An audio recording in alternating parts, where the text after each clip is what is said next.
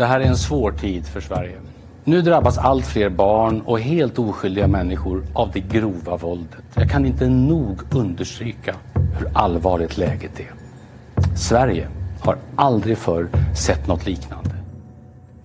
Sjøl for statsministeren i Sverige är det nästan ufattelig det som har skjedd över grensa i höst. Sveriges statsminister Ulf Kristersson åpner for alle virkemidler i kampen mot gjengvolden i landet. Det inkluderer også militærmakt. I sentrum av det hele står en du kanskje har hørt om. En mystisk skikkelse som har styrt sine medarbeidere fra utlandet. Den så kallade kurdiska räven. Han her får du høre mer fra i dag. Diamant Salihu har overvåka hemmelige chatter, sendt brev til kriminelle og møtt voldsmenn på pizzeriaer. Han har også fått en helt spesiell telefon. Eh, och då hade jag precis kommit hem, slängt in min väska och mött upp en kompis i en bar. Så jag satt och drack en öl och bara, åh shit, vad jag, jag, jag svarar nu. Hva er det disse gjengene kriger om, og hvorfor blir mødre, søsken og naboer drept, ofte av barn? Jeg heter Tor Erling Tømt Ruud, og dette er Krimpodden i VG.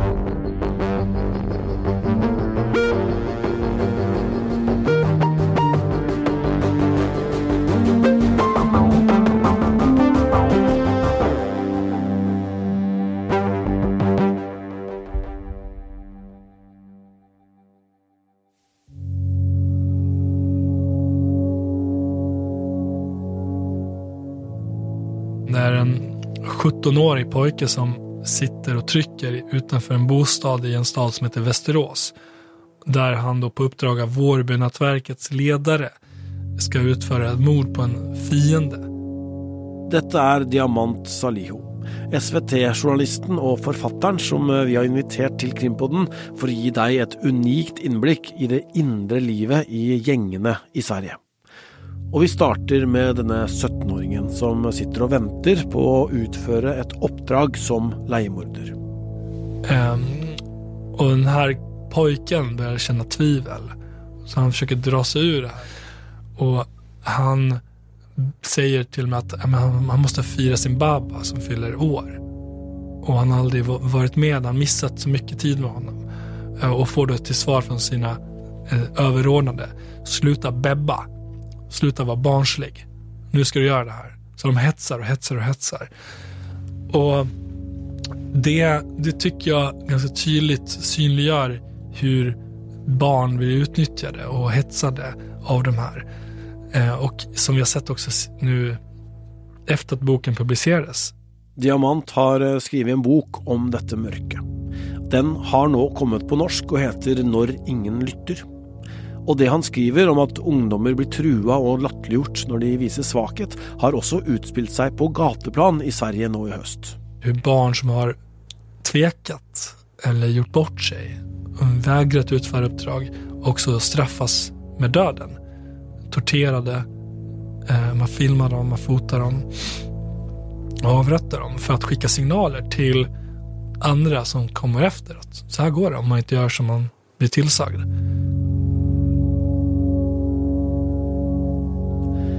En del av Diamants forståelse av hva som skjer i Sverige nå, kommer fra hvordan han har vokst opp. Som sjuåring flykta han og familien fra uro i Kosovo, og havna på bygda i Sverige, i Dalarna. På skolen hans gikk det folk fra forskjellige kulturer med veldig ulik inntekt. Da han blei eldre, forsto han egentlig hvor heldig han hadde vært. För det jag såg runt om i Malmö, i Stockholms förorter, Göteborgs förorter, våra stora städer i Sverige var ju att de barn som växte upp i Sverige, som till och med föddes i Sverige, eh, växte upp i väldigt segregerade områden. Hösten Sverige har lagt bak sig har varit eh, rystande och blodig. Bara i september blev det drept över tio personer som knyttes till ett gjengoppgjør. Blant ofrene var 13 år gamle Milo, som ble funnet død i et skogholt. Det har vært mye skyting og bombeeksplosjoner. Och allt det här skedde i någon form av perfekt storm i Sverige där samhället inte riktigt förstod allvaret och var rustat och närvarande för att kunna förhindra det i tid. Och tyvärr, eh, jag liksom, de här böckerna som jag skrivit och min journalistik är resultatet av det misslyckande som, som man har haft under decennier i Sverige. När Diamant skur tida lite tillbaka så ser han eh, flera grunder till att det har blivit som det har blivit. Vi i Sverige tillät en extrem segregation. Människor i större utsträckning är utanför arbetsmarknaden, hur skolorna underpresterar. Pojkar som gick ut nian utan betyg och som var perfekta rekryteringsbasen. Samtidigt så skedde saker i vårt samhälle med Polismyndigheten som omorganiserade sig. Man tappade liksom närvaron i de här områdena. Kunskapen som fanns tidigare. Och inte klarat upp brotten som har skett så har det lett till en radikalisering. De som har kommit undan med att skjuta ihjäl någon har kunnat skjuta ihjäl en till och en till. Och det som har fått de unga guttene och jentene in är bland annat önsket om pengar. Så är det en huvudbusiness att tjäna pengar på narkotikaförsäljning. Men när man väl kommer in, kanske för, på grund av att man vill tjäna pengar, så med det i, i bagaget följer också en livsfara. Och om man inte själv vill riskera att dö, för så är den här miljön idag så infekterad, priset är att man kan dö. Då är, finns en sån desperation och rädsla att man måste vara beredd att döda någon annan innan du själv kan riskera att bli mördad. Och nu, inte bara du själv, utan din mamma, dina syskon, din pappa, dina grannar. Vilket gör hela den här miljön så eh, men, i extremt, extremt också så här nervös just nu. Desperat. Eh, och jag, jag har pratat med flera som är lite äldre och även väldigt involverade i den här konflikten som vill se ett slut på det här för att också de är stridströtta. De har fått evakuera familjemedlemmar. Det kostar pengar. Krig kostar pengar. De vill tjäna pengar. Så det går liksom inte ihop i den logik som de från början drevs av att vilja gå in i det här. Eh, så en del hoppas ju på att efter det här kaoset som jag sett i några år, delvis på grund av att mycket ledande personer har gripits och dömts till långa straff på grund av de här krypterade chattarna, att det ska bli mer organiserat. Att man skapar allianser. Att det ska leda till mindre våld och att alla ska få mätta sina magar då med mer pengar. Och att eh, svenskar får eh, narkotika. Och att norrmän får narkotika och att finnar får narkotika. Sverige är en, en vikt, ett viktigt transitland för narkotikasmuggling. Eh, men Norge är en viktig marknad. Eh, Norge beskrivs för mig som ett gangsternas paradis också. För Sverige är så pass uppdelat just nu. Eh, marknaden, om du vill ta dig in som en ny aktör, kommer du liksom riskera ditt liv, dina föräldrars liv. Det vet alla nu. Men Norge är inte så längre. Det är inte så alls. Så för en aktör som vill sälja narkotika så kan man enkelt ta sig till Norge och sälja sina produkter, för här finns en efterfrågan. Man betalar dyrt för det. Och man riskerar inte sitt liv på köpet, så som man gör i Sverige. Så därför är det gangsternas paradis. Och det är också din spådom också in i framtiden, att Norge blir värre? Eh, Norge kan bli värre. Alltså, ni har ju redan signaler på att det är larm eh, i, liksom, i form av att unga personer i riskmiljön ökar i antal enligt NRK som har gjort en sån granskning. Eh, och eh, Man måste förstå, tror jag, att det som händer i i Turkiet, det som händer i, i Nederländerna, Belgien, där de stora hamnarna finns för narkotika, för kokainsmuggling från Sydamerika. Allt det landar någonstans och en del kommer hit. Ni hade liksom en stor last här som togs i beslag på ett ton kokain. Eh, alltså det, det gör att det finns intresse för Norge av olika skäl som en mellandestination eller vad det nu kan vara, men också marknaden. Folk är rika, folk vill ha sin, sitt kokain i näsan. och med det, med större konkurrens så finns ju risken för mer våld. Eh, så det, det, det, man får inte tro att det här är någon annans problem. Man måste förstå att de kriminella opererar internationellt. Eh, då måste man förstå att det här, precis som våldet kan röra sig mellan gränser och narkotika så kan också eh, så kommer du kunna göra det hit. Um, det at de kriminelle gjengene bruker barn, altså folk som er under 18 år, uh, hva slags rolle har disse barna, og hvorfor bruker de eh, barn til dette? De är förbrukningsvaror, eh, kan man säga. Mm, För att ehm, det kostar lite. Det kan vara att de söker status, vill visa sin lojalitet. För de äldre eh, kan vara i skuld och bli av med sin skuld på 20-30 000 kronor. Alltså, det behöver inte handla om så mycket pengar. Eh, och de finns i mängder i Sverige. För det har blivit någon form av gängkultur i Sverige där det till och med ses som en status att utföra de här våldsdåden och till och med mörda är det den stjärna man kan få på sin axel när man hamnar på svenska ungdomshem. Eh, att man ses med respekt för att man är kapabel. Och de äldre förstår det här förstås och utnyttjar lagstiftningen. Så den här lagstiftningen har blivit starkare när man då kan döma 18-åriga uppåt för livstidsfängelse för ett mord så riskerar man såklart inte sig själv utan man offrar någon annans barn. Eh, barn som och försvinner och sen kommer de tillbaka. Så, jaha, vad händer sen? då? De som har utfört eh, mord, sprängningar för, för mm, Foxtrot till exempel. När Foxtrot splittras, vem ska, de, vem ska backa upp dem när de kommer ut om två, tre år? Men när de fortfarande har eh, gjort sig själva och sina egna familjemedlemmar till måltavlor. Så eh, det är en otroligt illojal miljö där man systematiskt utnyttjar barn på en nivå där vi ser fler häktningar än vi har sett tidigare. Eh, barn som skyttar, mord, eh, sprängningar, eh, också flickor på ett sätt som vi inte har sett förut. Den absoluta majoriteten av de som växer upp i de här utanförskapsområdena är hederliga människor. I de här familjerna där det finns gängmedlemmar finns det också syskon som kanske har lika usla förutsättningar, växer upp under samma tak som sina ofta bröder, men som lyckas bli akademiker, som tar sig bort från eh, misär och problem och allt det där.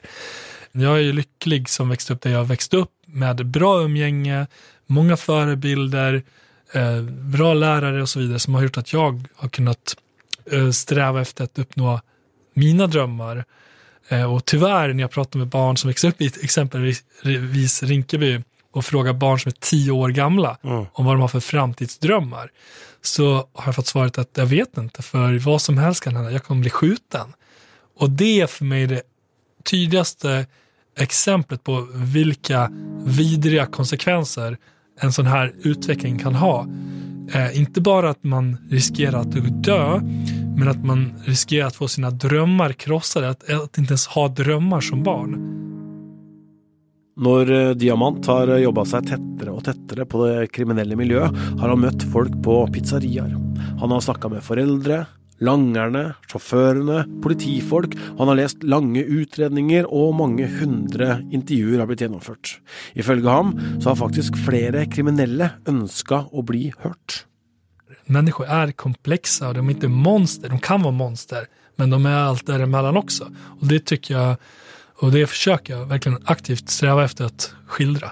Jag har fått access till många som har varit otroligt öppna och gett inblick i sin livsstil.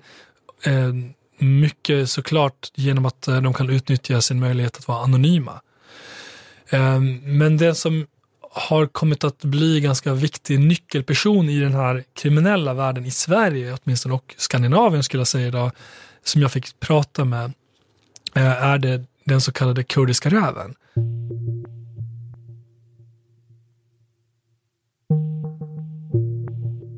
Den kurdiske reven, eller Rawa Majid som han egentligen heter, är eller var ledaren av det som blir betecknat som det kriminella nätverket Foxtrot. Och det är konflikter innad i Foxtrot som gjorde att september blev så blodig med alla drapne och gängkrig i Sverige. Det som har vært spesielt, er at han har ordna med narkotikahandel og styrt gjengmedlemmer og løpegutter i Sverige fra utlandet. For rett før politiet avslørte kriminelle nettverk, da de fikk tilgang til alle de krypterte meldingene, så rakk han å stikke fra Sverige. Och utifrån att han var i Irak ett tag och så småningom i Turkiet så har han kunnat då, enligt de misstankar som finns, kunnat bygga upp sin organisation med olika aktörer i Sverige. Eh, med Eh, sådana som har hand om logistik, eh, sådana som har lagerhållning, eh, etniska svenskar som är chaufförer, företagare, familjefäder som var del i den här stora organisationen som hanterar narkotika. Och den bilden som kom genom, genom fallen som beskriver honom och hans roll i det här, det var en ögonöppnare verkligen att se att det här är så många lager av personer. Inte de här förortskillarna som man fördomsfullt kanske vill tro att de bor i den här förorten, utan alla skikt i vårt samhälle finns med i det här. Och, och det som också i det här fallet att aktören, huvudmannen och hans allierade har liksom hittat en safe haven i Turkiet. De har till och med kunnat investera i, i bostadsmarknaden i Turkiet och därmed köpa sig till ett medborgarskap. Och trots att man efterlyser och trots att man efterfrågar hjälp från turkiska myndigheter så har de bara suttit lite grann med armarna i kors bara. Men hit med era PKK-människor som ni skyddar från, i Sverige. Använt det och inte brytt sig om det här problemen tidigare. I flera månader jakta Diamant på den kurdiska reven. Han snakka med mora hans, prata med folk som eh, kjente ham, och gav klar beskjed om att eh, han ville snakke med Rawa Majid selv.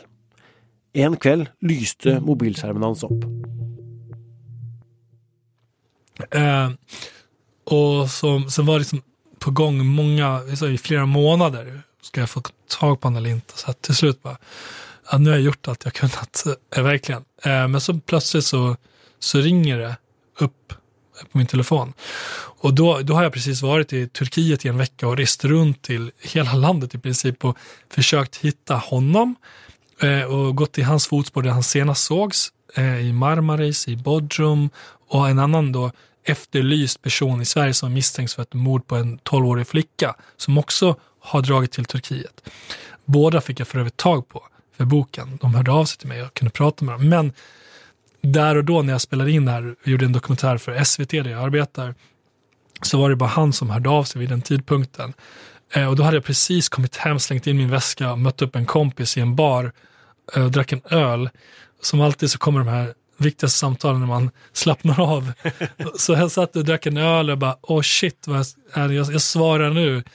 Um, och sen bara, nu får jag ställa mina frågor så att det, jag får liksom låta han bemöta. För man vet alltid som journalist, tror jag, man har jobbat ett tag, att man har one chance ibland att så här, passa på att ställa in absolut viktigaste frågor för det är inte säkert att det tillfället kommer igen och så var det verkligen här för sen fick jag inte tag på honom. Vad sa han då i telefon? Ja, han sa, typ, frågade vad vill du, varför ringer du mig och eh, vad har du tänkt publicera för någonting? Jag bara förklarade, jag, jag ska publicera att du är anklagad för de här eh, narkotikabrotten och sen, eh, sen fanns det liksom lite brott om våldsdåd och liknande som han bara, jag förnekar allt, jag är mammas pojke, lite med glimten i ögat, eh, typ så uppfattar jag hans ton. Eh, då frågar jag, men om du anser att du är oskyldig då, så varför kommer du till Sverige och ställs inför rätta? Nej, men jag är dömd på förhand, var hans svar. Och jag frågade såklart det som var viktigt också, var, för han hade gripits en, en, en tid innan i Marmaris. Man hittade en väska med pengar och polisen såg att han var efterlyst i Sverige och grep honom under falsk id-handling. Och rimligen med en sån internationell efterlysning så bör en sån person sitta frihetsberövad. Och jag pratade med turkiska experter och så vidare som sa att ja, men då sitter man ju. Men han var inte i något förvar. Det hade fört massa källor på det att nej, nej, han är ute. Bara, hur fasiken kan han vara ute? Och så att det var egentligen första bekräftelsen på att han var ute. Och så frågade jag så här, men vänta, hur kan du, hur kan du, är du turkisk medborgare? Ja, hur kan det vara det då? Men det vet ju alla att om man investerar i landet så blir man turkisk medborgare. Det var självklarhet för honom. Så då fick jag sådana saker bekräftade som inte ens svenska myndigheter kände till. De hade kanske hört rykten om det, men de fick ju inte svar på svart och vitt från turkiska kollegor exakt vad som hade hänt. För det samarbetet finns inte på den nivån. De som följer følger litt med på krim, både i Norge og i Sverige, har jo hørt dette begrepet 'den kurdiske reven', eh, som da er leder av en eh, stor gjeng i, i Sverige, men som da står på den ene siden i en gjengkrig. Hva, hva dreier den gjengkrigen seg om? Det är precis som så ofta när, när man ska där, samarbeta i den kriminella miljön, att det är en väldigt illojal miljö att man blir makthungrig, girig. Och det är precis det som händer också inom Foxtrot. Ehm, det är så många olika individer som har olika intressen och så uppstår skulder, osämjor av olika anledningar. Och det ledde till en splittring inom Foxtrot-nätverket. En splittring som pågick under en längre tid, men som blev väldigt synlig och brutal i början av september. När då mamman till en av de som hade ansetts vara en ledande person inom Foxtrot blev ihjälskjuten i sitt eget hem av två tonåriga pojkar som hade då hyrts in från olika städer i Sverige som sköt in genom ett fönster när hon stod i köket. Eh, och det, den mamman då är mamma till en ledare som har kallats för jordgubben i Sverige. Eh, och eh, han hade då tagit avstånd från kurdiska räven och en kille som kallas för Benzema Eh, så vidare. En kille, den här Benzema för övrigt, eh, han hamnar då på Foxtrot-sidan. Så de här två olika fraktionerna eh, började då efter mordet på mamman att hämnas mot varandra. Och när de inte kom åt varandra i Turkiet, för man, man sköt mot varandra även där, eh, så eh, vågade man inte fortsätta sina krig där på plats. För man, man riskerar att bli gripen i Turkiet och utvisad och allt det där. Så då ger man sig istället på sina är fienders föräldrar, syskon, grannar. Och det har resulterat bara i september, vi pratar om svarta september i Sverige, med totalt 12 mord. Och alla kopplas inte till den konflikten, men flera av dem, däribland en ung kvinna som var granne med en släkting till Rawa Majid, där man då istället sprängde fel hus. Och den här eh, nyblivna läraren eh, blev eh, mördad. En granne eh, som också blev mördad för att man eh, sköt, man, man riktade sig mot släkting till Rav Majid men sköt istället någon granne till den här släktingen. Så det har varit extremt brutalt eh, och resulterat i att utomstående har drabbats när man inte kommer åt varandra för att man hyr in barnsoldater som är oerfarna, eh, inte ens vet vilken adress de ska skjuta mot vet inte hur man använder vapen. Ehm, eh, och de här två skiftledande sidorna liksom, eh, kan operera från utlandet. Och rätt nyligen så kom det också uppgifter inifrån Foxtrot. Alltså det har ju skett massa gripanden i Tunisien, ledande personer från ett nätverk. Eh, någon har blivit skjuten i Sarajevo, i Foxtrot. En annan har blivit gripen i Serbien. Så de har ju fått sprida sig ut från Turkiet, där de tidigare var säkra, till sina respektive hemländer de har rätt i. De trodde att de var säkra, men inte ens där går de säkra. Och en person fejkade till och med sin egen död. Eh, han kallas för Benzema eh, och har varit som en, beskriven som en högerhand till Rava Majid. Och, och det var en, en prissumma som gick mot honom på en miljon dollar. Där han då eh, låtsades bli mördad, man fejkade en film till och med, spelade in att han skulle vara mördad för att då jordgubbssidan skulle skicka pengar eh, till honom och sen deklarerar man det här fejkade mordet på sociala medier i en livesändning. Alltså det är så här, ett absurt informationskrig. Om man bara får nämna just Benzema, eh, meddelar ju också nu eh, att han inte är med i Foxtrot längre. Eh, det är liksom första gången man kanske ska berätta det i er podd faktiskt. Mm. Eh, det händer saker hela tiden, även inom Foxtrot. Att mm. En väldigt nyckel, viktig nyckelperson hävdar att han inte är med där längre och att det inte beror på konflikt utan det har varit planerat sedan innan. Han vill köra sitt eget race. Foxtrot får köra sitt eget race med Rav Majid. Eh, men det, det händer så mycket varje dag och det pågår ett informationskrig också där vi journalister matas med desinformation. Till exempel om att det här är död, han, han är död för att man ville att vi skulle publicera för att de skulle kunna få ut sina pengar. Lyckligtvis så var det inga etablerade svenska medier som gick på den fallan. För att vi vill ha officiella bekräftelser, vi vill ha trovärdiga källor. Vad är sista nytt nu då om Rawa Majid, alltså den kurdiska greven? Eh, jag var med, jag avslöjade att han greps, eh, eller frihetsberövades i Iran för ett antal veckor sedan. Och så vitt jag vet eh, så, ja, så stämmer de uppgifterna utifrån de olika källor jag haft kontakt med. Sen finns det de som hävdar att han inte är frihetsberövad, åtminstone inte just nu. En del har haft att han aldrig greps från hans sida. Eh, vet inte vad man ska lita på. Men eh, det sägs att han just nu egentligen håller på, med tanke på att allierade har blivit mördade, gripna i olika länder, att han håller på att omorganisera sig själv. För att han har tvingats lämna sitt safe haven, han har fiender mot sig som betalar mycket pengar för att se honom död. Eh, för att se hans familjemedlemmar döda så att han måste hitta en säker plats i, ett, i en ny stad eller ett nytt land där han kan på nytt då, eh, bygga upp sin organisation eh, och skapa allianser med mera med mera. För det är väldigt så här, infekterad miljö just nu. Du har jobbat länge med denna gängkriminaliteten i Sverige. Du känner flera aktörer, snackat med många. Um, och du har blivit så känd med någon att de ringer dig för att fråga om de är i fara. Ja, bisarrt nog har det i den här konflikten, interna konflikten varit så. Jag har ju haft väldigt mycket förkunskap i och med när Ingen Lytter eh, har kommit ut. Jag har gjort så mycket intervjuer med människor som när konflikten uppstod vände sig till mig. Eh, dels sådana i, i konflikten som var trötta, frustrerade, som tyckte att det hade gått för långt. Men också Eh, anhöriga till dem i, i den här konflikten som frågade mig, är jag med på någon dödslista? Är min släkting med på någon dödslista? Jag vet inte. Prata med polisen. Nej, jag kan inte prata med polisen. Eller polisen svarar inte. Och det blir en absurd situation.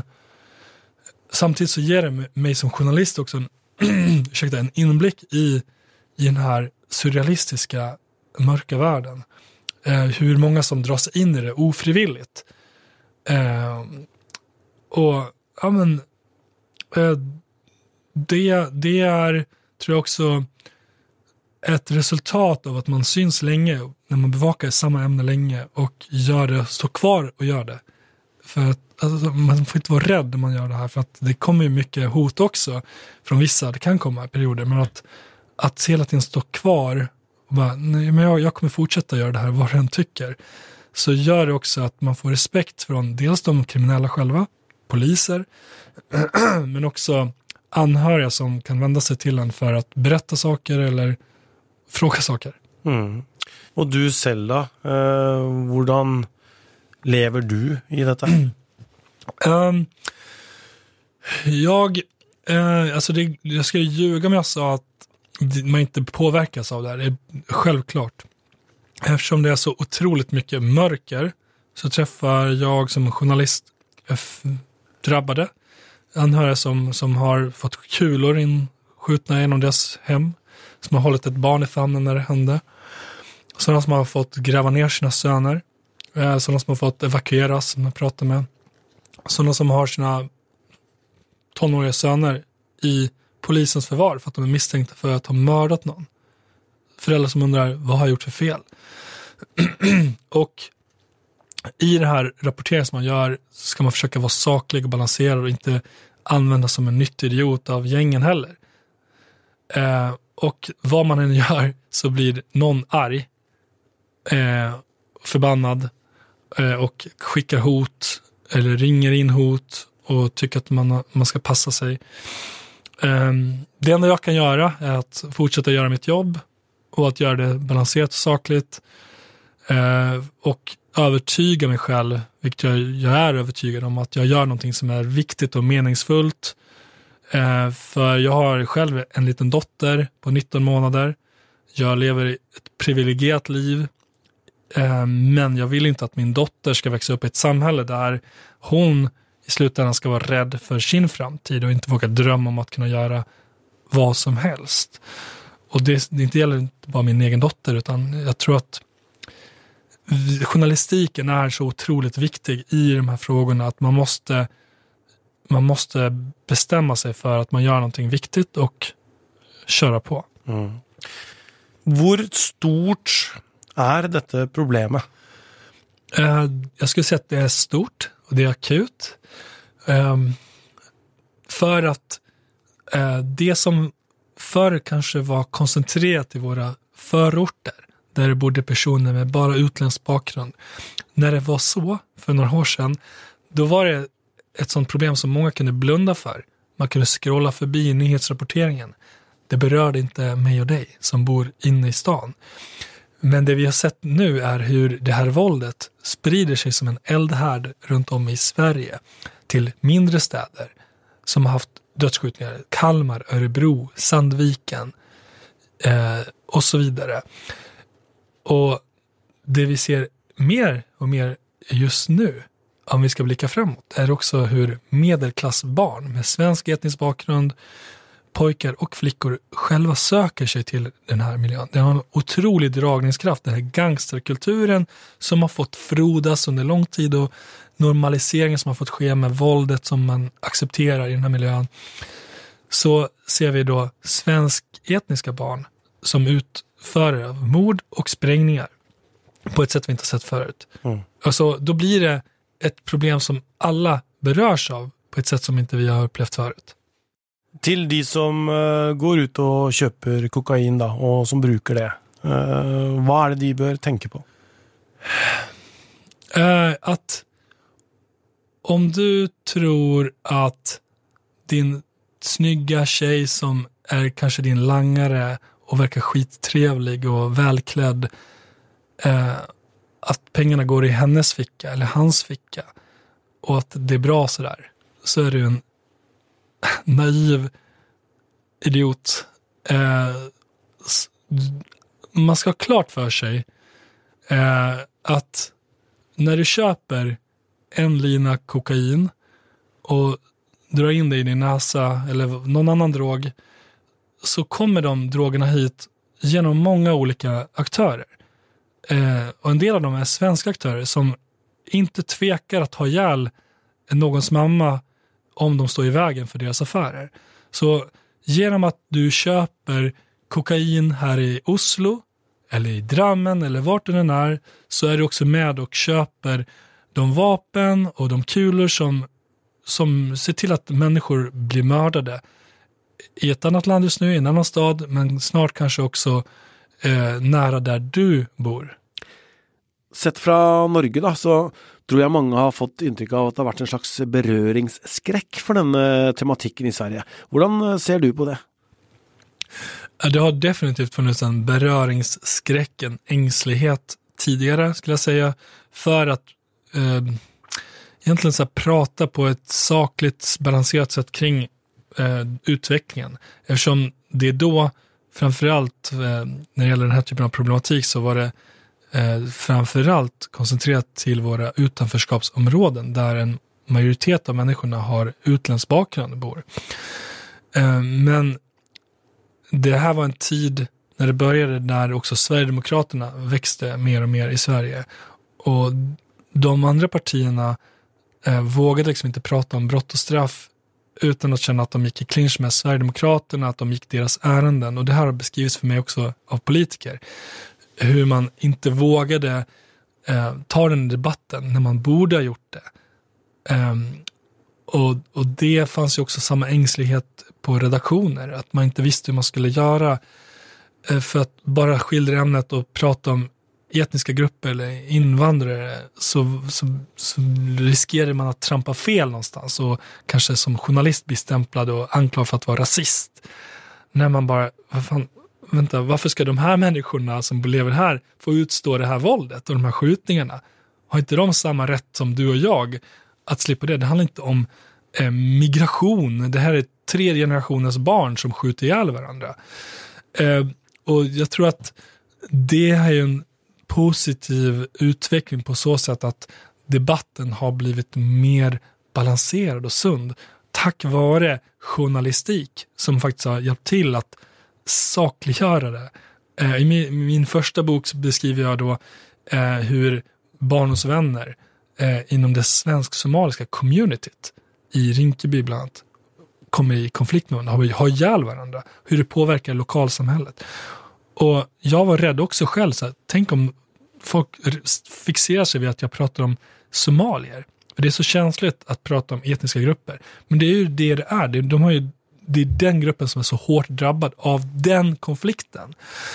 Och till min eh, lättnad så var det inte det som folk brydde sig om när de började läsa boken. Det är, det är över 200 000 människor som har läst eh, eller lyssnat på den boken och som barn som använder i sin undervisning, gör examensarbeten om orsakerna till varför det går snett för de här unga killarna. Och eh, när jag är i Rinkeby idag så kan det komma fram sådana med somaliskt ursprung och bara tacka för att, tack för att du berättar. Tack för att du gör det på det sätt som du gör. Utan att stigmatisera, bara berätta som det är. För de som bor där vet att de är drabbade. Och det tror jag, samma sak med den här nya boken. De som kanske tänkte, ja ah, men det, det, är ett problem lokalt i Rinkeby. Nej, det här visar att det är ett nationellt problem och internationellt problem där de här huvudmännen sitter i Turkiet, skickar narkotika till Sverige, till Norge. Hur de här killarna sitter i sin, en berättar hur han sitter hemma i sin lägenhet i södra Stockholm och på Anchorchat kommunicerar med sina polare i, i Oslo som kommer dit, hämtar massa kilo kokain, kör tillbaka till Oslo. Så här ser den världen ut och den är multietnisk. Den har etniska svenskar och etniska norrmän i olika lager, men att vi kan inte vara rädda för att när det behövs, om det är så att den lokala konflikten är mellan ja, albanskt ursprung, så att det är mellan kosovoalbaner. Det är klart att det är relevant att nämna det då. Eh, man, man, måste, man måste så här, bara så här, vara saklig. Eh, för det visar också hur komplex och mångbottnad verkligheten är. Eh, för i slutändan, så om man bara håller käften och är rädd för att säga fel saker, riskerar att göra större fel, dämpa en, en debatt som faktiskt behövs. Eh, men man måste också förstå att eh, hålla, hålla, hålla isär det här att i de här känsliga frågorna så är det sån risk att det blir så högt tonläge. Att det blir så svartvitt. Man måste välja lag A eller lag B.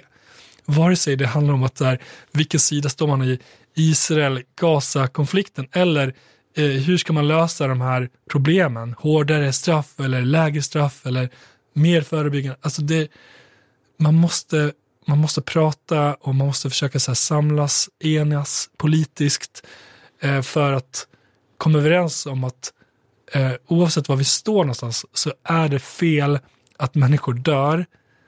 Vem den är, det är fel att barn är rädda inför sin framtid. Oavsett vilken religion de har eller etnisk bakgrund de har. Eh, vi som samhälle måste lösa det här. Och våga se vad som är problemet och våga prata om det utan att stämpla varandra. Når du snakket i stad om disse segregerte områdene, eh, hvor polisen ikke har klart å gjøre noe, eh, lokalsamhellet har heller ikke klart det, skolene. Eh, hvordan er det nå? Begynner det å bli en utvikling i Sverige på dette? Um, om man ska få vara lite hoppfull i ett sånt här samtal så finns det ju ljusningar i till exempel i Rinkebyområdet och närliggande. Där hade man nio dödsskjutningar 2021 nu är det mycket lugnare.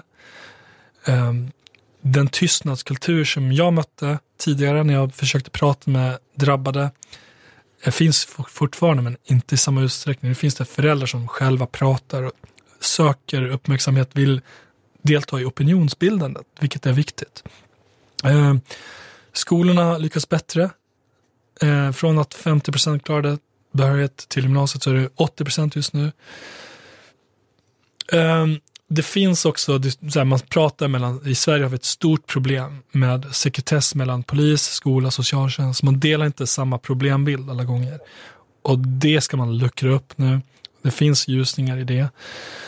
Um, samtidigt som liksom man släcker branden här så startar en ny brand någon annanstans. Så det är vår stora utmaning i Sverige åtminstone att det är så många nu som söker sig till den här gangsterkulturen och dödskulturen, eller vad man vill kalla det, som är beredda att ansluta från småstäder över hela landet. Och det är där som jag tror att är viktigt att ha med sig hela tiden. Att även fast vi ser goda exempel, om man lyckas här, dra åt här, så måste vi laga vårt samhälle i grunden på nationell skala för att inte, att inte samma problem ska återuppstå. Mm. Uh, vi ska avsluta med vad är det som uh, må till uh, eh, för att uh, denna kriminaliteten ska bli mindre? I Sverige så måste det till otroligt många saker tror jag nu för att det har gått för långt. Det är som liksom en, en mutation som har skett i den här miljön. Eh, och mycket saker måste lagas, i, allt från segregationen till eh, polariseringen vi har i vårt samhälle där det finns vi och dem-känsla av många skäl. Som vi ser exempel på, i allt från våld till koranbränningar och annat. Eh, lagföringen måste bli bättre. Det förebyggande arbetet måste bli mycket, mycket bättre eftersom det här ses som en sån som ett attraktivt karriärval. Eh, men om man tänker för en norsk publik så är det nog viktigt att eh, vara tacksam över att man inte har sett den här eh, mutationen än. Men man ska ta på allvar de signaler man ser redan nu. Och man ska förstå att eftersom det här är en internationell miljö så kan det hända saker snabbt. Att eh, som myndighet måste eh, samarbeta internationellt. Men de som jobbar mer förebyggande, samarbeta med civilsamhället, inom civilsamhället, med föräldrar, eh, dela information, inte göra misstag som i Sverige att man inte pratar med varandra. Eh, så att man upptäcker de här personerna väldigt tidigt och sätta in rätt typ av stöd. Mm. För vill man hellre ha ett monster som är kapabel till att mörda personer och spränga, som kan vara ett monster ibland, eller vill man se till att den personen får rätt stöd som tolvåring och kanske väljer att bli entreprenör istället? För en del av de här skulle lika gärna kunna bli entreprenörer, som Kurdiska räven.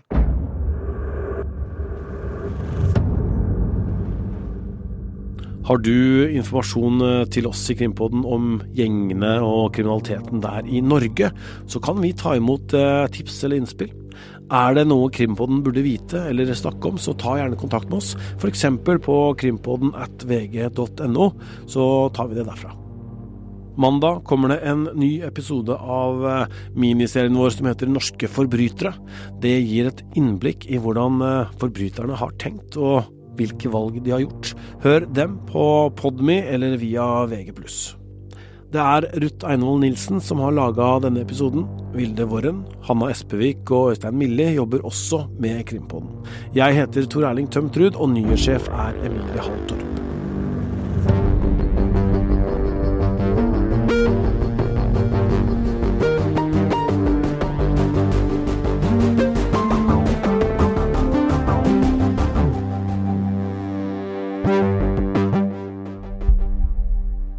Har hørt en podkast fra VG.